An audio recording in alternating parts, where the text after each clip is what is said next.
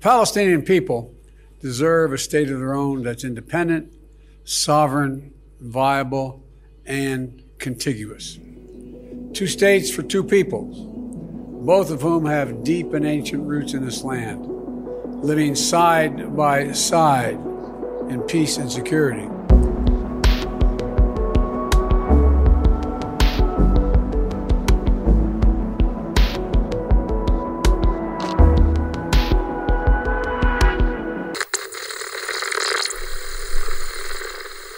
Hai, saya Rifan Dwi Astono. Kamu sedang mendengarkan BTS Gedung Putih.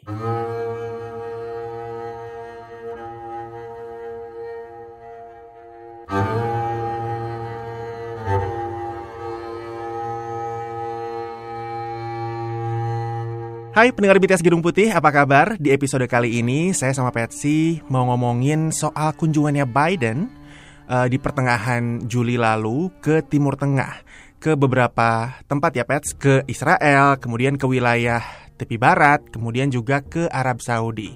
Tapi apparently ada satu pihak yang merasa dikesampingkan dari kunjungan ini. Nah kemarin Pets sih emang ikut rombongan untuk datang ke Timur Tengah ini ya Pets. Mm-hmm. Nah boleh nggak Pets kamu gambarin secara sederhana sebetulnya kunjungannya Biden ke Timur Tengah kemarin itu untuk apa, dalam rangka apa? Jadi kerangka besarnya sebetulnya adalah untuk menegaskan kembali pengaruh Amerika Serikat di kawasan Timur Tengah, ya kan. Hmm. Sebetulnya selama beberapa puluh tahun terakhir itu Amerika sudah ingin sekali mengurangi military footprint, security footprint, jejak militer, jejak uh, keamanannya dari Timur Tengah. Sebab Timur Tengah ini kan dari dulu nggak pernah selesai-selesai perang ya, seolah Yes. ada aja konflik. Sementara Amerika Serikat tuh merasa bahwa sudahlah, there's there's nothing more uh, that we can do in the Middle East. Sekarang ini fokusnya adalah ke Asia, Indo-Pasifik untuk menangani Tiongkok selaku um, negara yang dianggap sebagai saingan strategis. China's increasingly coercive actions in the Indo-Pacific and beyond, Jadi strategic competition with China itu sebetulnya yang sudah menjadi fokus Amerika Serikat dari semenjak masa pemerintahan Obama, tapi sulit sekali untuk bisa uh, menarik diri dari Timur Tengah sampai akhirnya kemudian sekarang ada perang Ukraina dan ada kepentingan bagi Amerika Serikat untuk menjalin berbagai macam koalisi, khususnya koalisi di Timur Tengah uh, menghadapi Iran, ya kan? with Iran's destabilizing activities here in the Middle East, we've also seen critical changes. Ini kalau teman-teman suka HI, hubungan internasional ini kan sebetulnya kayak main peta catur gitu ya, seluruh dunia ini kan. Yes. Jadi di Timur Tengah itu kepentingan Amerika Serikat adalah menjamin sekutunya, yaitu Israel dari ancaman Iran, terutama karena Iran ini sekarang eh, dalam negosiasi nuklirnya juga nggak nggak selesai-selesai juga. Jadi ancaman program nuklir Iran itu sangat real untuk sekutu Amerika Serikat. Bukan hanya Israel ya, tapi juga uh, Arab Saudi. Meskipun Saudi technically tidak mau terang-terangan menyebut diri sebagai sekutu Amerika Serikat, but kenyataannya memang iya kan, punya basis militer di sana dan sebagainya. So, bagaimana caranya agar Israel dan Arab Saudi dan sekutu Amerika Serikat, mitra Amerika Serikat yang lain di kawasan itu selamat dari ancaman Iran, ya Iran dan juga proksi-proksinya, baik itu Hamas, Hizbullah, uh, kemudian Houthi di Yemen dan sebagainya. Itu Presiden uh, Biden datang dan mengatakan, eh gini deh kalian semua nih ya supaya aman, jangan berantem di antara kalian sendiri. Sekarang kan kondisinya kan uh, antara negara-negara Arab dan Israel itu kan kayak seolah-olah dingin gitu Iya. kan. Padahal kenyataannya sebetulnya banyak under the table di bawah meja hubungan-hubungan baik itu komersil, hubungan militer dan sebagainya itu sudah banyak dan sudah mulai berkembang. former rivals reestablish diplomatic and economic ties. Nah, inilah yang ingin didorong oleh Presiden Biden untuk ya udah kalian menjaga aja keamanan regional kalian sendiri. Uh, sebab aku sibuk nih, sibuk dengan uh, perang di Ukraina, sibuk dengan menghadapi uh, ambisi Tiongkok di kawasan Asia Pasifik. Jadi aku minta kalian berteman. Why don't you join together? Semua sistem-sistem persenjataan kalian itu coba kalian uh, koordinasikan bersama supaya menjadi lebih kuat.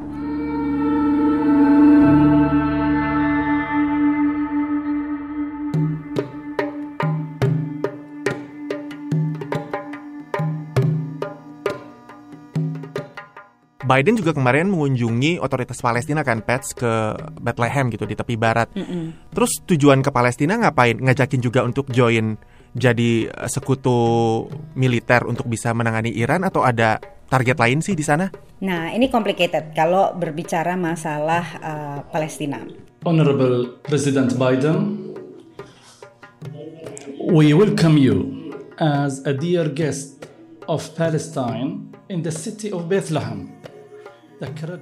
Kita tahu kan Palestina ini diduduki, sebagian wilayah Palestina diduduki oleh Israel sejak tahun 1967. Nah, sejak saat itu berbagai presiden Amerika Serikat sudah berusaha mencoba untuk mendamaikan nih baik Israel maupun Palestina untuk ya udah solusi dua negara. Palestina merdeka, hidup berdampingan secara damai dengan Israel. Ya. But it never works. Uh, banyak sekali alasannya kenapa tidak tidak berhasil. Baik itu situasi politik di Israel yang sangat garis keras maupun juga situasi politik di Palestina yang pecah kepemimpinannya ya kan. Pemimpinan Palestina itu kan pecah dari tahun 2006 setelah Hamas menang pemilu Palestina mengalahkan Fatah. Terus Fatah ditendang keluar dari Gaza. Uh, Fatah tetap berkuasa di tepi barat. Jadi sebetulnya sekarang ini Palestina kepemimpinannya pecah ya kan antara Hamas dan Fatah. Hamas lebih garis keras, uh, Fatah uh, dianggap lebih moderat. So, jadi baik Palestina maupun Israel tidak memiliki kekuatan politik dalam negeri, tidak memiliki mandat yang kuat lah intinya dari masing-masing pihak untuk bisa menjalin uh, perdamaian. Jadi selalu ada, pokoknya istilahnya, you know, berantakan sendiri di dalamnya sehingga tidak bisa mencapai perdamaian. Itu that's a very very simplistic way to look at the situation yang tentunya jauh lebih rumit. Dan itu yang dimaksud sama uh, Presiden Biden ketika dia bilang bahwa untuk melanjutkan perundingan damai saat ini antara Palestina dan Israel kondisinya lagi nggak memungkinkan gitu ya. Betul. So even if the ground is not ripe for, at this moment to restart negotiations, Tidak memungkinkannya karena uh, satu Israel ini lagi kacau banget kan kondisi politiknya. Uh, sekarang ini Perdana Menteri Yair Lapid ini adalah Perdana Menteri caretaker, Perdana Menteri sementara. Uh, dalam beberapa bulan akan pemilu lagi, akan pilpres lagi.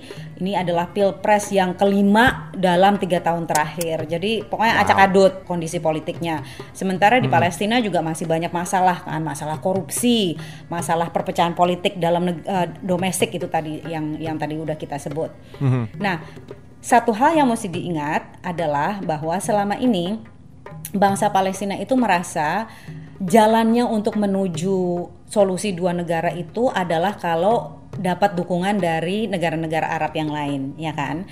Jadi tahun 2002 ada yang namanya Arab Peace Initiative, um, proses perdamaian Arab yang basically mengatakan Hey Israel, kalau kamu tidak uh, tidak ada progres nih, Israel dan Palestina tidak ada progres menuju solusi dua negara kemerdekaan Palestina, kami bangsa Arab yang lain nggak mau ah temenan sama kamu, kami nggak mau normalisasi hubungan dengan Israel, seperti itu kan. Jadi itu menjadi tekanan kan, menjadi tekanan bagi Israel karena Israel nih di di kawasan dikelilingi negara-negara Arab yang lain terkucilkan kan dia kalau dia tidak dinormalisasi secara diplomatik dan ini kan dampaknya banyak penerbangan misalnya, kemudian hubungan bisnis dan sebagainya. Yes. Tapi itu secara resmi. Secara de jure, secara de facto itu sebetulnya banyak sekali hubungan-hubungan yang sudah terjalin antara bangsa negara-negara Arab dan Israel. Terutama semenjak tahun 2020 itu oleh Presiden Donald Trump, basically uh, Donald Trump bilang, udah lah nggak usah pura-pura lagi, udah dibuka aja. Kalau misalnya emang kalian selama ini berhubungan dagang, berhubungan, you know, ada kunjungan diplomatik dan segala macam, udah nggak usah pura-pura, deh udah kita normalisasi aja. Normalisasi aja, dan itu yang disebut sebagai Abraham Accords. The Abraham Accords also opened the door for Muslims around the world to visit the historic sites in Israel and to peacefully pray at Al Aqsa Mosque in Jerusalem, the third holiest site in Islam. Abraham Accord itu adalah menormalisasi hubungan antara Israel dengan Uni Emirat Arab dan Israel dengan Bahrain. Nah, inilah yang tadi mengapa aku katakan kita bilang bahwa bangsa Palestina ini merasa terkesampingkan karena dalam kunjungannya ke Timur Tengah kemarin Presiden Biden ini juga berusaha menggiatkan kembali ini Abraham Accord, mengembangkannya ke negara-negara Arab yang lain, termasuk the big fish, you know, the, tu, negara yang paling ditarget itu adalah Saudi, ya kan? Karena Saudi biar yep. bagaimanapun masih tetap menjadi semacam kiblat lah bagi negara-negara Arab yang lain uh, dan juga negara-negara Muslim yang lain di uh, di luar Jazirah Arab, baik itu misalnya Indonesia, Malaysia, Pakistan, uh, yang selama ini tidak memiliki hubungan diplomatik dengan Israel, tidak normalisasi hubungan dengan Israel. Kalau misalnya dengan Saudi itu nanti Israel sudah normalisasi asumsinya negara-negara yang lain juga tidak akan ragu untuk menormalisasi dengan Israel. צעד רשמי ראשון של נורמליזציה מול ערב הסעודית. ההחלטה תאפשר לחברות התעופה הישראליות לטוס במסלול... Apakah terjadi normalisasi Saudi dan Israel saat kunjungan Biden kemarin? Tidak, ah. ya kan?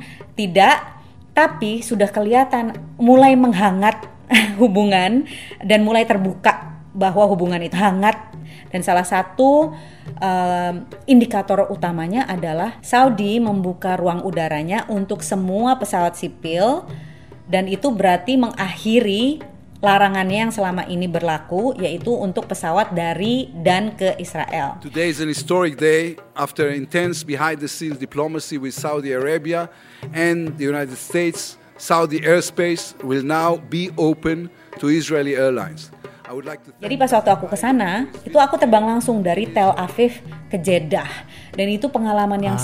sangat historis sekali, ya kan? Presiden Biden juga terbang direct langsung. Ini belum pernah ya ada presiden Amerika direct langsung dari Tel Aviv ke ke Jeddah. Sebelumnya Presiden Trump pernah tahun 2017 dari Riyadh ke Tel Aviv. Jadi itu it's another sign of, you know, warming relations, hubungan yang menghangat. This is the first tangible step on the path of what I hope will eventually be a broader normalization of relations. Nah, tapi kan Presiden Biden harapannya begitu ya, normalisasi. Tapi tentunya uh, kerajaan Saudi bilangnya eh nanti dulu, jangan jangan buru-buru dulu. Kita tetap sesuai dengan prinsip yang selama ini kita pegang yaitu melalui Arab Peace Initiative tidak akan ada normalisasi dengan Israel sampai ada progres negara Palestina merdeka dengan solusi dua negara.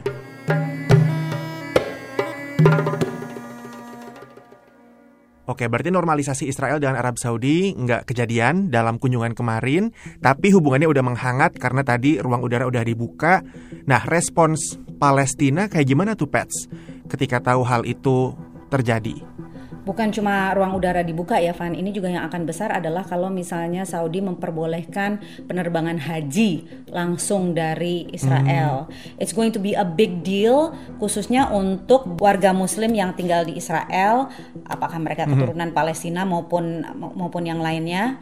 Um, hmm. kalau misalnya ini terjadi karena itu kan it's going to be much cheaper kan akan lebih murah bagi mereka untuk terbang langsung dari Israel dari Tel Aviv misalnya ke ke uh, Riyadh atau ke Jeddah. Sebelumnya kan selama ini harus ke. Yordan yeah. atau negara lain.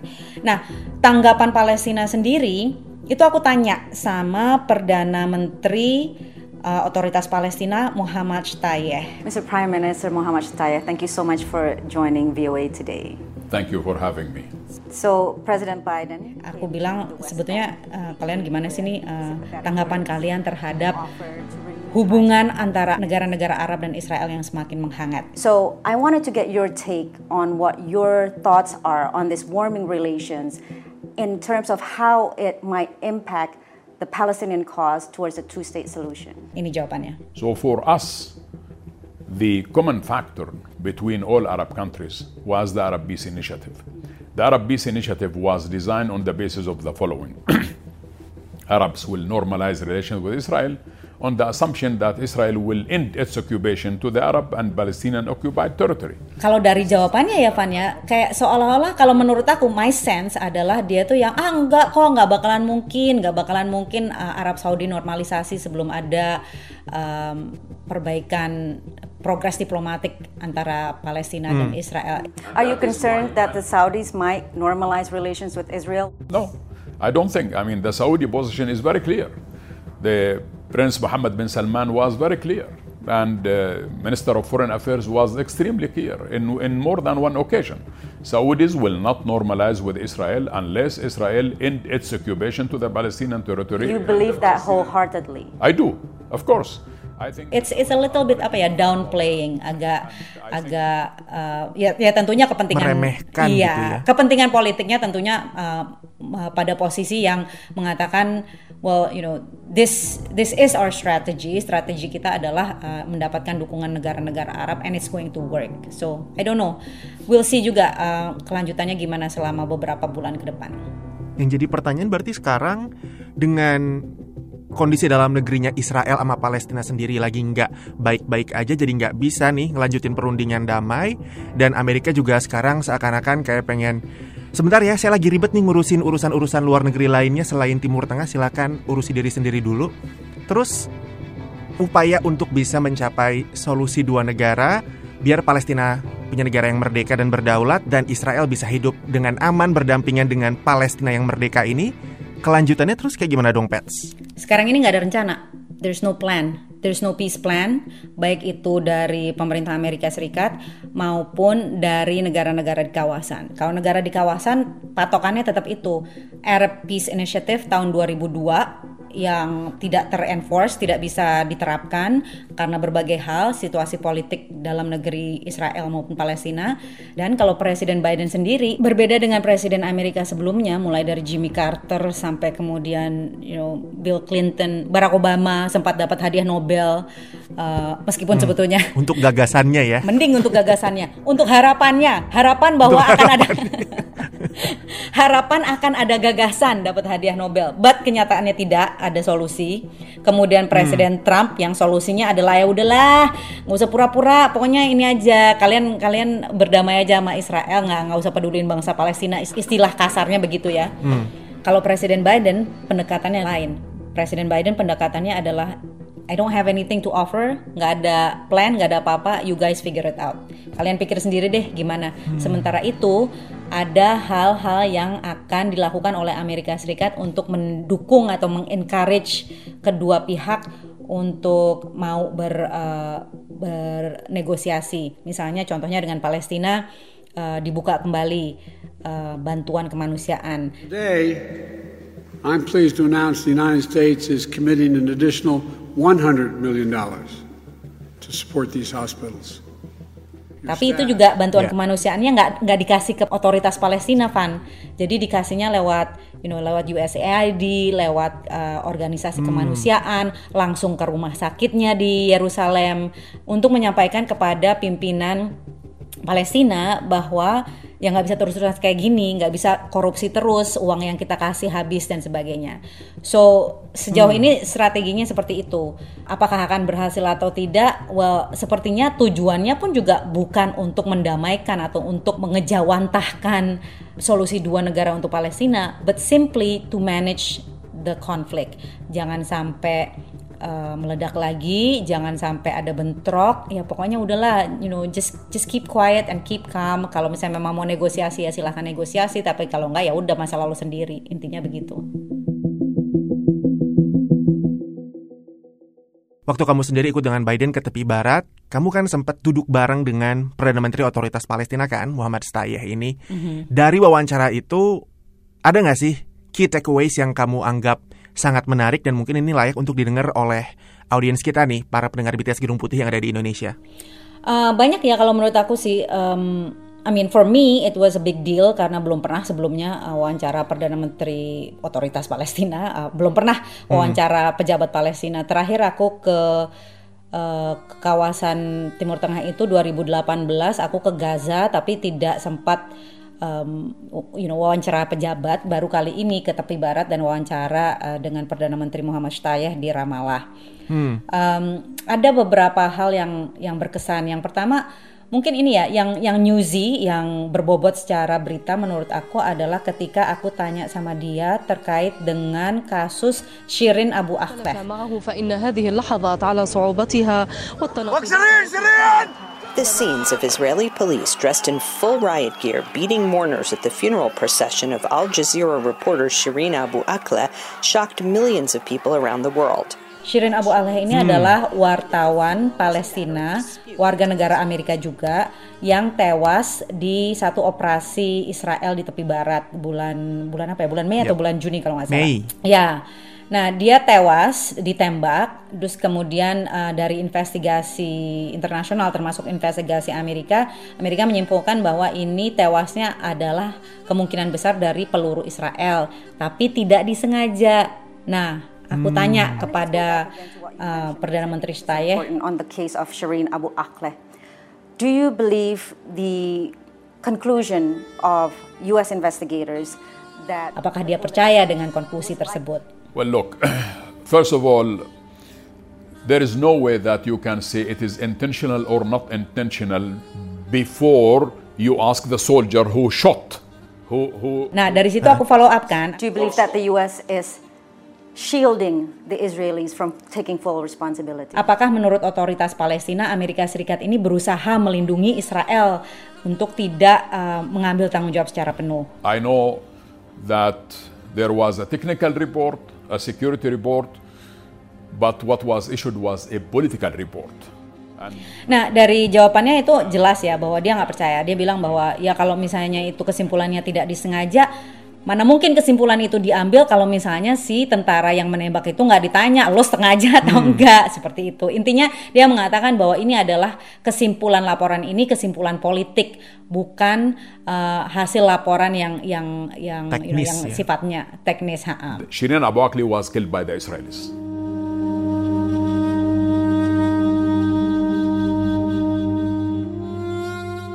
So my last question is um, for our viewers, our VOA viewers around the world who are Muslims or they live in Muslim majority countries. As I mentioned, I grew up in Indonesia, so I'm very familiar with the Palestinian cause. However, I Kemudian um, pertanyaan aku terakhir sih yang menurut aku, you know, like Rifan, uh, aku gitu kan, we kita kan grow up di Indonesia yang namanya Yep. perjuangan bangsa Palestina itu lekat sekali kan dengan, you know, um, kehidupan politik kita sehari-hari, sering ada demo, sering banyak politisi yang suka menggunakan isu Palestina dan sebagainya. Jadi aku tanya uh, sama Perdana Menteri Stayeh, However, I think there's a tendency for people to look at this conflict in a very black and white way, in a religious context between Muslims and Jews. Banyak orang khususnya yang tidak terlalu paham konflik ini sebetulnya karena ini kan konflik yang luar biasa rumit sekali Dan panjang sekali sejarahnya. dan panjang sekali sejarahnya uh, terkait dengan penjajahan sebelumnya dan sebagainya. Um, Aku bilang sama dia bahwa banyak orang, termasuk di Indonesia, yang melihat konflik ini hitam dan putih dan melihatnya dari kerangka agama Muslim dan Yahudi. Do you believe that kind of view is actually constructive to the Palestinian cause? And what would Aku tanya, ini tuh sebetulnya pandangan seperti ini nih membantu kalian atau enggak sih? Membantu bangsa Palestina atau tidak sih? Dan ini jawabannya. No. The conflict in Palestine is not religious. The conflict in Palestine is political because we stood against all occupations that occupied Palestine all along history. It has nothing to do with religion. Ya, jadi intinya dia bilang bahwa ini bukan konflik agama, ini adalah konflik politik. Dan kalau misalnya ada orang yang menganggap ini konflik agama, itu berarti dia termakan propaganda pihak-pihak yang mengatakan bahwa ini konflik agama. My message through you is that we are people who want to see peace prevailing in our region. We are people who care about the dignity of our kids and, and, and men and women and so on. We are people who are looking for a better tomorrow. And we are people who are only asking for an independent, sovereign, contiguous state on the borders of 67, which is only 22% of what used to be called Palestine. I'm hopeful that tomorrow will be much better. Prime Minister Stay, thank you so much for your time. Thank you.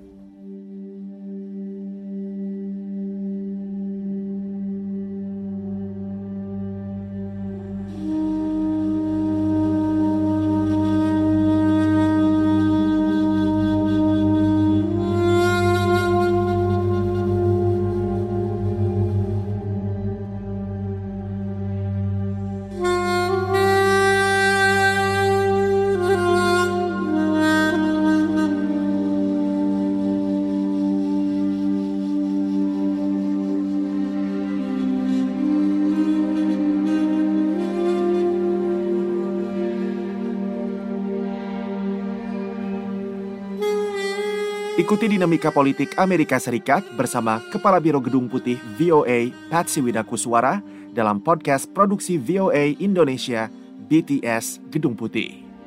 Sampai jumpa.